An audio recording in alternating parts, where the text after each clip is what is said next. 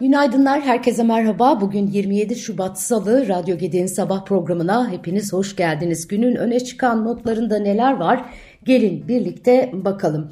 Cumhurbaşkanı Erdoğan'ın açıklamaları var. Ee, Erdoğan eski Türkiye dönemini dönemi tamamen kapanıyor diye konuştu. AK Parti genişletilmiş il seçim iç, işleri başkanları toplantısında konuşan Cumhurbaşkanı ve AK Parti Genel Başkanı Recep Tayyip Erdoğan Türkiye yüzyılı yeni başlıyor. Bizden önceki kuşakların bizim bizden sonraki kuşağın yaşadığı eski Türkiye dönemini tamamen kapatıyoruz dedi. Erdoğan ben seçimi kazanırsam kazandıktan sonra yine AK Parti'de olacağım diyen sirk cambazlarına asla prim vermeyiniz diye konuştu. Erdoğan ayrıca kimi yerlerde karşımızda ahlaktan yoksun siyaset haramileri var. Meydanın siyaset haramilerini bırakmayız.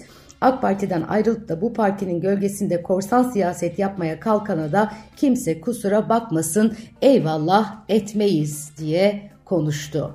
Bu arada e, A Haber muhabiri Rüya Akkuş'un yeniden Refah Partisi ile ilgili ittifak ihtimali sorusuna Erdoğan yeniden Refah'ın tavrını biliyorsunuz. Birçok yerde Cumhur İttifakı ile hareketi söz konusu değil. Adeta milletvekili seçimlerindeki durumdan şu an kopmuş vaziyette. Şu anda kendileri birçok yerde e, ya bizden ayrılmış olanlar veyahut bize karşı tavır içerisinde olanları aday olarak çıkardılar cevabını verdi. Muhabir Rüya Akkuş'un kürsüde sirk cambazı tabirini kullandığınız demesi üzerine Erdoğan ben onların adını anmadım Rüya kendine gel diye tepki gösterdi. Cumhur İttifakı ortağı MHP lideri e, Devlet Bahçeli'nin kendisine gönderdiği doğum günü hediyesiyle ilgili de Erdoğan öncelikle Devlet Bey her zamanki gibi o kibarlığını bir kez daha gösterdi. Yaşamın miktarınca güller gönderdi. Yine kendisine has estetiği olan bir kalem gönderdiğini söylediler. Cumhur İttifakı'nın çalışmasıyla ilgili, ilgili de birbirimizle tebrikleştik e, demiş yaşı kadar gül göndermiş Bahçeli Erdoğan'a.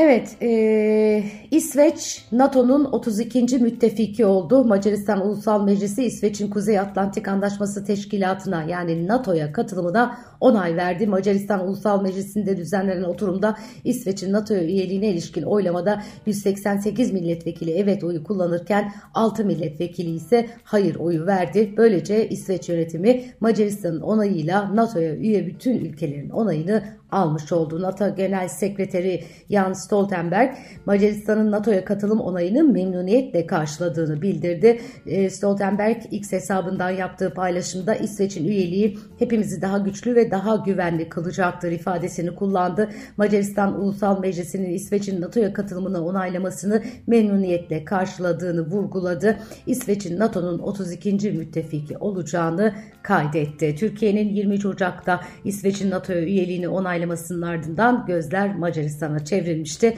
Macaristan ve İsveç arasında yaşanan bazı gerginlikler nedeniyle süreç uzamış. Macar tarafı oylamanın yapılabilmesi için İsveç Başbakanı'nın Budapeşte'yi ziyaret etmesi koşulunu öne sürmüştü. İsveç Başbakanı 20 Şubat'ta başkent Budapeşte'de Macar mevkidaşıyla NATO üyeliğini görüşmüştü ve Macaristan e, onayı verdi. İsveç NATO'nun 32. müttefiki oldu. Çalışma ve Sosyal Güvenlik Bakanı Vedat Işıkhan milyonlarca çalışanın merakla beklediği staj sigortası ve kademeli emeklilik hakkında açıklama yapmış. Bir gazetecinin kademeli emeklilik düzenlemesi yapılacak mı sorusuna gündemimizde staj mağdurları ve kademeli emeklilikle ilgili bir çalışmamız yok yanıtını vermiş. 2000-2008 ee, yıllar arasında Sosyal Güvenlik Kurumu'na girişi olup emeklilikte yaşa takılanlar düzenlemesini kaçıran SSK ve Bağkurlu milyonlarca çalışanın gözü kademeli emeklilikteydi. Ee, Merkez Bankası ticari gayrimenkul fiyat endeksi yayınlamaya başladı. Merkez Bankası'nın konuyla ilgili blog yazısına göre Türkiye için oluşturulan endekste veri kaynağı olarak gayrimenkul değerleme şirketleri tarafından bankalar için düzenlenen değerleme raporları kullanıldı. Değerleme raporları gayrimenkulün yaş, alan, konum, yapı kalitesi ve benzeri karakteristik özellikleriyle değerleme uzmanının gayrimenkule ilişkin parasal değer tespitini içeriyor. Ticari gayrimenkul sınıflaması altında arsa, dükkan, ofis, tarla, sanayi tesisi ve benzeri birçok türde gayrimenkul yer almakta.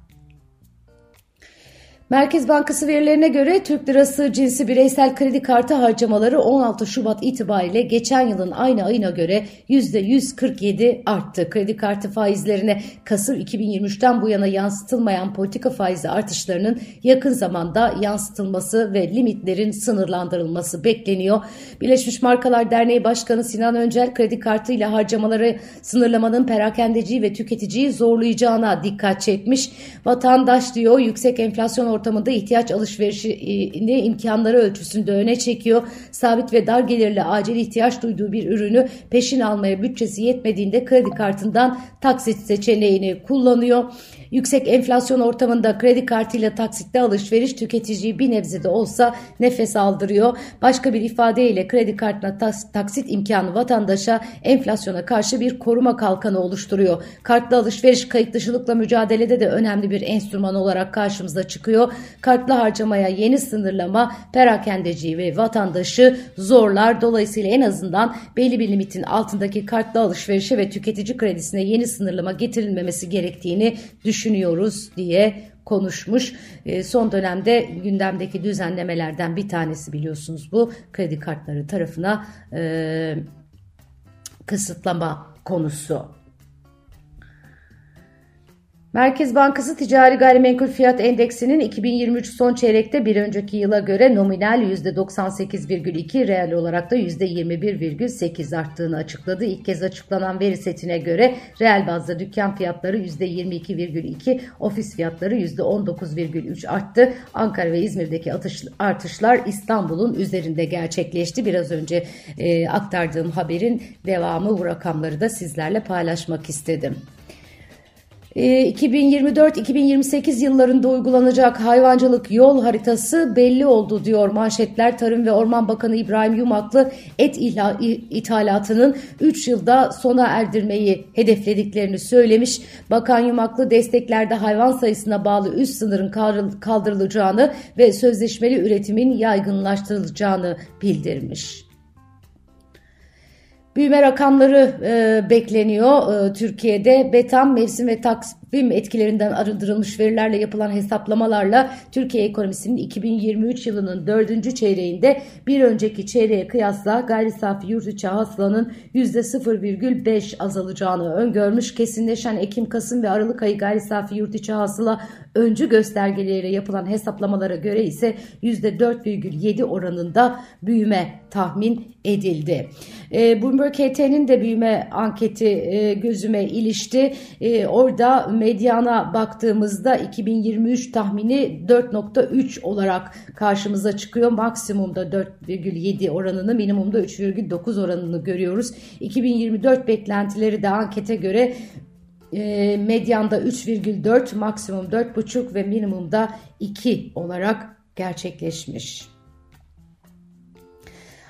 Avrupa Merkez Bankası enflasyonda düşüş bekliyor. ECB Başkanı Lagarde enflasyonun yavaşlamaya devam etmesini bekliyoruz. Ücret artışlarının önümüzdeki çeyreklerde enflasyon dinamikleri üzerinde giderek daha önemli bir etken haline gelmesi bekleniyor diye konuşmuş. Ee, bugün yurt içinde e, sakin bir veri gündemi var. Yurt dışında Japonya'da enflasyon, Amerika'da dayanıklı mal siparişleri, Richmond Fed Sanayi Endeksi ile tüketici güven endeksi takip ediliyor olacak. Bu arada IMF'nin global büyümeye ilişkin, e, global ekonomiye ilişkin e, tahminleri var.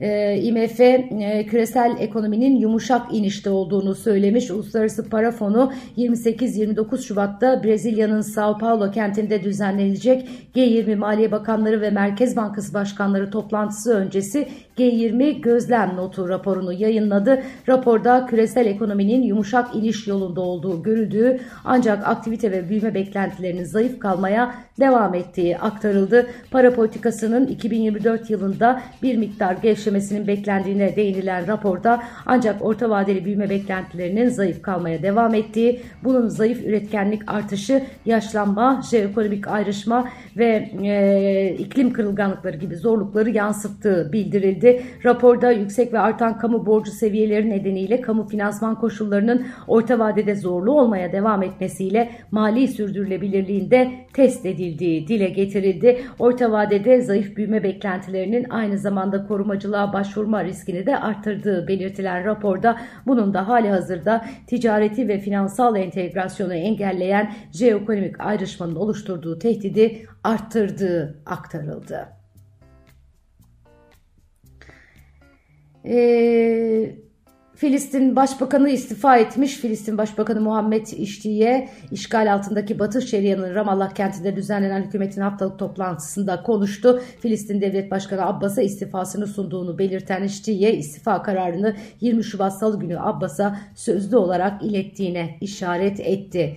Diğer yandan İsrail'de Başbakanlık ordunun sivillerin Gazze'nin güneyindeki Refah kentinden tahliyesine yönelik planını savaş kabinesine sunduğunu açıkladı. Planın detayları henüz bilinmiyor. Birleşmiş Milletler 1 e, milyondan fazla Filistinlinin sığındığı Gazze'nin refah kentine saldırı hazırlığı yaptığı belirtilen İsrail'e uyarılarda bulunmuş. Birleşmiş Milletler İnsan Hakları Konseyi'nin 55. oturumunun açılışında konuşan Birleşmiş Milletler Genel Sekreteri Antonio Guterres hiçbir şeyin Hamas'ın 7 Ekim 2023'teki İsrail'e yönelik saldırılarını haklı göstermeyeceğini söylemiş. Hiçbir şeyin Filistin halkının toplu cezalandırılmasını da haklı göstermeyeceğini yine aynı şekilde vurguluyor.